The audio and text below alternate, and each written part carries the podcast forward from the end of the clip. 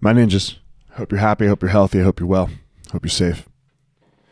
I changed my mind. I'm not going to do the two books. I'm just going to do It Takes What It Takes. I'm just going to talk about that this week. Making bad choices is the lifeblood of average. Again, making bad choices is the lifeblood of average. That's exactly what average people do. They make bad choices a lot. They choose to not get up early in the morning. They choose to not exercise. They choose to not meditate. They choose to not live their life with gratitude. And we just did that in the first hour. Right? That's that's in, that's the first hour.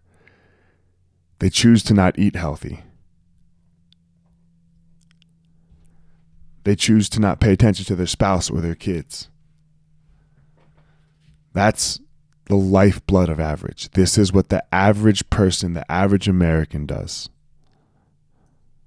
So you have to make a choice. Do you want to be average? If your answer to that is yes, then that's cool. Like don't like then don't shame yourself. Like because that's what you want. Sometimes people get all mad about average. Just say, look, I, I just want to be an average dude. And if, if you want to be an average dude, then man, uh, I get it.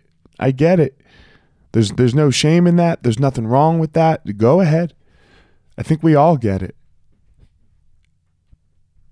But if you don't want to be average,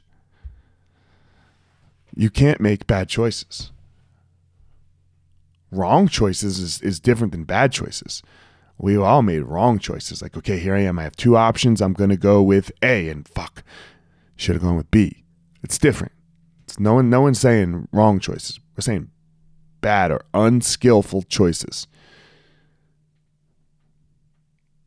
That's your choice. What are you going to do with it with with your life? But as we talked about yesterday, it takes what it fucking takes. The universe don't care. The world doesn't care. It's not going to give it to you. Find your power.